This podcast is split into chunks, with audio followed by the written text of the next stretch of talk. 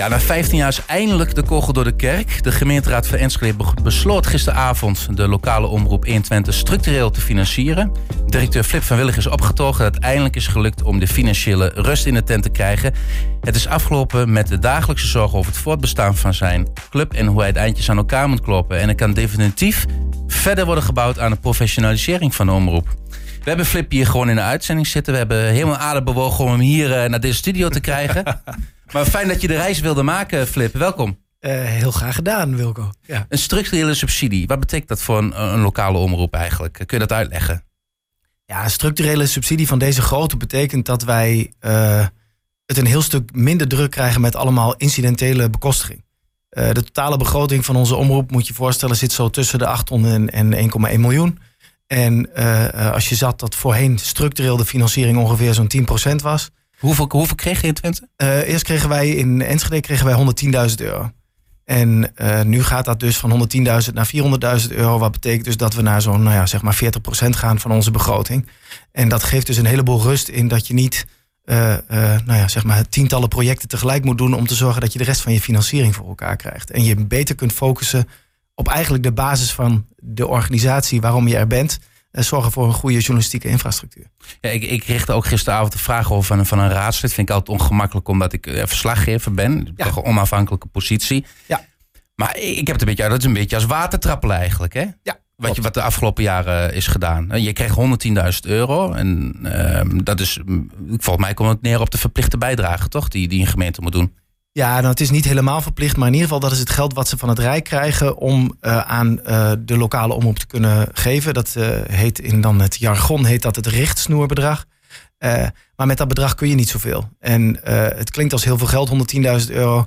Maar nou ja, goed, als je berekent wat iemand kost, dan kun je daar twee mensen voor neerzetten. En dan heb je het nog niet voor de rest over iets van infrastructuur waarmee je dingen kunt uitzenden of dingen kunt huren waar je in kunt zitten enzovoort. Dus daarmee kun je geen journalistieke infrastructuur neerzetten. Nu, nu zegt een marktdenker, um, dat kun je toch uit de markt halen? Misschien uh, sponsors, zijn, zijn die er niet die zo'n studio willen neerzetten, bijvoorbeeld? Nou, dat is inderdaad een goede vraag. Uh, wij hebben in ieder geval de afgelopen jaren steeds meer gezien dat dat steeds minder gebeurt. Ik bedoel, vroeger had je inderdaad de kranten die uh, zich goed konden bedruipen door aan de ene kant de abonnementen te verkopen en aan de andere kant geld uit de markt te halen.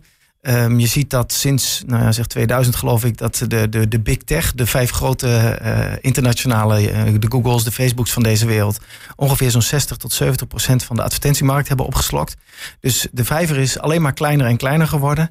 En uh, dan is de vraag van wat voor journalistiek krijg je nog? En ik heb daarbij gezien, en gelukkig staan wij daar niet alleen, want anders had de hele gemeenteraad hier ook niet unaniem voorgestemd.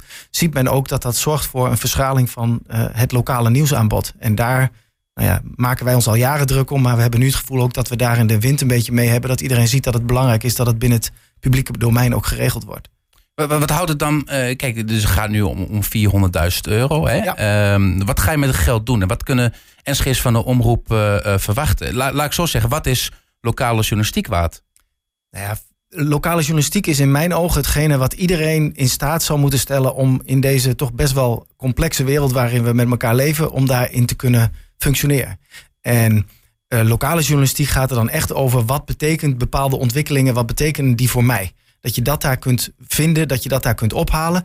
En aan de andere kant, stel dat ik uh, uh, in een situatie zit tegen hele grote partijen die in de samenleving allemaal dingen in beweging zetten, waar ik last van heb, maar ik in mijn eentje weinig tegen kan doen. Hoe kun je daar ook in geholpen worden? Dus het zijn twee kanten van, van een medaille, zeg maar. Aan de ene kant meer context geven en aan de andere kant ook uh, naast mensen gaan staan die in hun eentje tegen grote molochen weinig kunnen betekenen. En als ik nu kijk hoe de journalistiek zich ontwikkelt, zie ik dat er steeds meer aandacht is, omdat het zo optimaal mogelijk en goedkoop mogelijk gemaakt moet worden. Dat er steeds meer aandacht is voor de incidenten, want die scoren goed. En dit is een leuk verhaal voor bij de, bij de koffieautomaat. maar wat ik mis is de context van wat betekent dat nou voor mij? wat betekent dat voor een samenleving? Welke beweging zit daarachter? Is het überhaupt maar een incident of is het echt een beweging? Nou, dat vind ik echt hele relevante dingen die ik steeds minder zie in de lokale journalistiek. En waar wij ons in ieder geval heel erg op willen focussen om alle Enschede's daarmee ook uh, nou ja, verder bij te staan. Even terug naar 15 jaar geleden. Ja. Um, ja toen begon je volgens bij, uh, bij toen nog TV Enschede FM. Toen nog ehm, zelfs uh, heette het Enschede FM zonder tv nog. Ja. Kijk, kijk, de echte uh, vervlogen tijden. Neem ons eens mee. Hoe kwam je binnen? Wat, wat, wat, uh, hoe heeft de omroep zich ontwikkeld? Want volgens mij um, kwam je binnen en was het eigenlijk de vraag wanneer de stekker eruit zou worden getrokken. Nou, sterker nog, de stekker was er net uitgetrokken. De, de gemeente had net besloten dat de, het geld wat de omroep tekort kwam... door nou ja, een aantal dingen die ze hadden gedaan... dat dat niet aangevuld zou worden. Dus de omroep is daadwerkelijk failliet gegaan. En ik werd na dat faillissement gevraagd van... goh, door het bestuur wat er toen zat, zou jij eens willen kijken of je hier wat van zou kunnen maken. En uh, ja, dan moet je echt voorstellen, we zaten in de Raadhuisstraat uh, met vijf mensen van de sociale werkplaats, die daar met een melkerbaan aan het werk waren. En voor de rest een, een nogal, nou, wat zal ik zeggen, een, een interessante omgeving met zowel apparatuur als spullen. Als, het was allemaal heel erg aftans en, en ouderwets. En nog wel een grote groep uh, vrijwilligers, zeg maar, die heel enthousiast waren over uh, nou, het belang wat zij zagen van, van de, de, de, de omroep.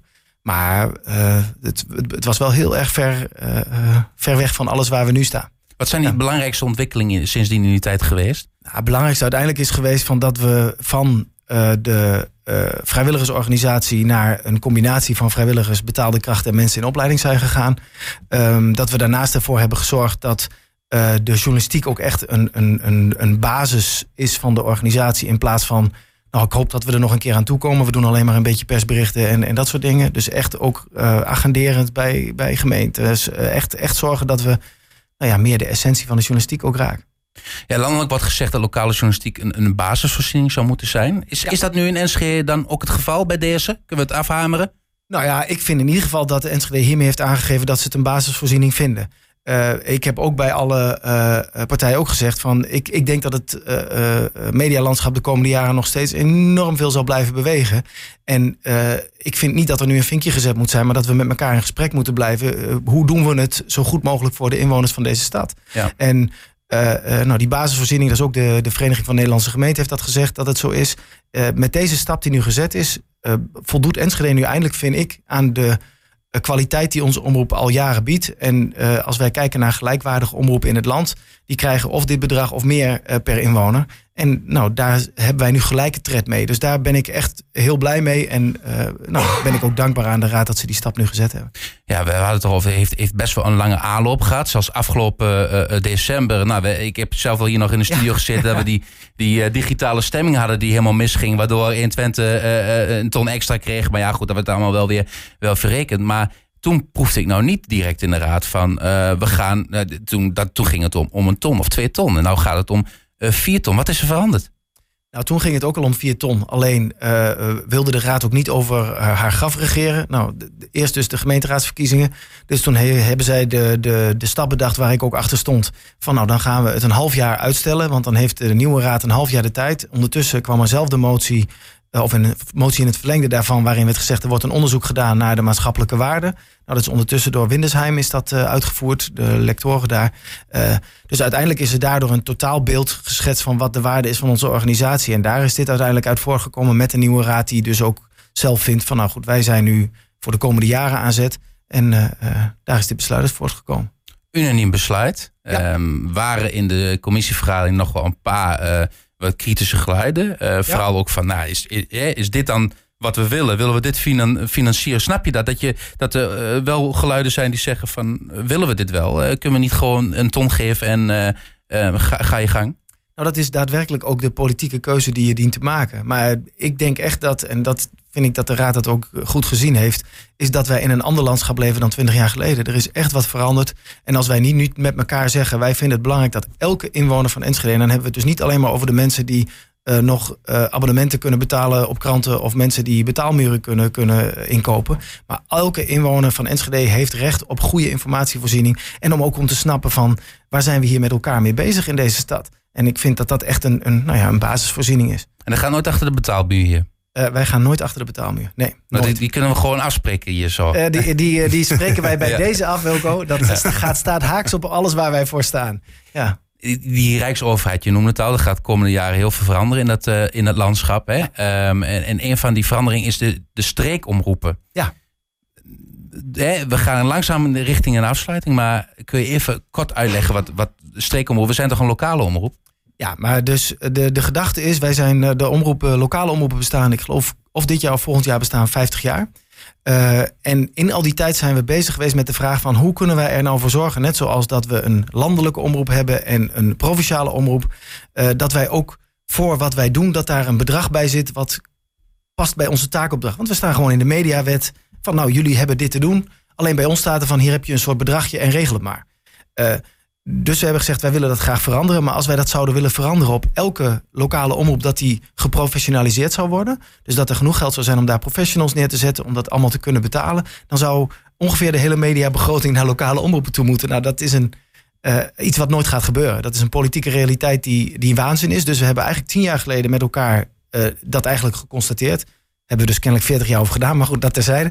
En toen hebben we gezegd van we moeten het anders doen. Dus toen zijn we uh, ook in overleg met andere uh, partijen, dus ook OCMW, uh, Binnenlandse Zaken. Ministerie van Cultuur en Wetenschap. Ja, sorry, ja. ja. al, die, al die ministeries bij elkaar met de VNG, de Vereniging van Nederlandse Gemeenten samen. Dus alle partijen die wat met lokale omroepen te doen hebben, zijn we gaan praten. Hoe kunnen we het dan oplossen? En de enige gedachte daarbij was, als je het wil professionaliseren, moet je dus een stukje gaan indikken, uh, wat meer gaan samenklonteren, iets doen aan schaalvergroting. Nou, hoe doe je dat dan op de meest logische manier? Door te kijken hoe Nederland al automatisch is ingedeeld. Mensen hebben gewoon een, een bepaald gebied waarin ze zich begeven. Nou, en dat zijn de streken. En die streken hebben we gezegd, laten we een kaart maken samen met de omroepen en de gemeentes. En daar is de streekomroepenkaart uh, uitgekomen waar nu 80 streken op staan. Word je geen concurrent van de provinciale omroepen? Nou, in principe de provinciale omroep is uh, verantwoordelijk voor de context in de hele provincie. En wij zijn verantwoordelijk dan voor de context in de streek.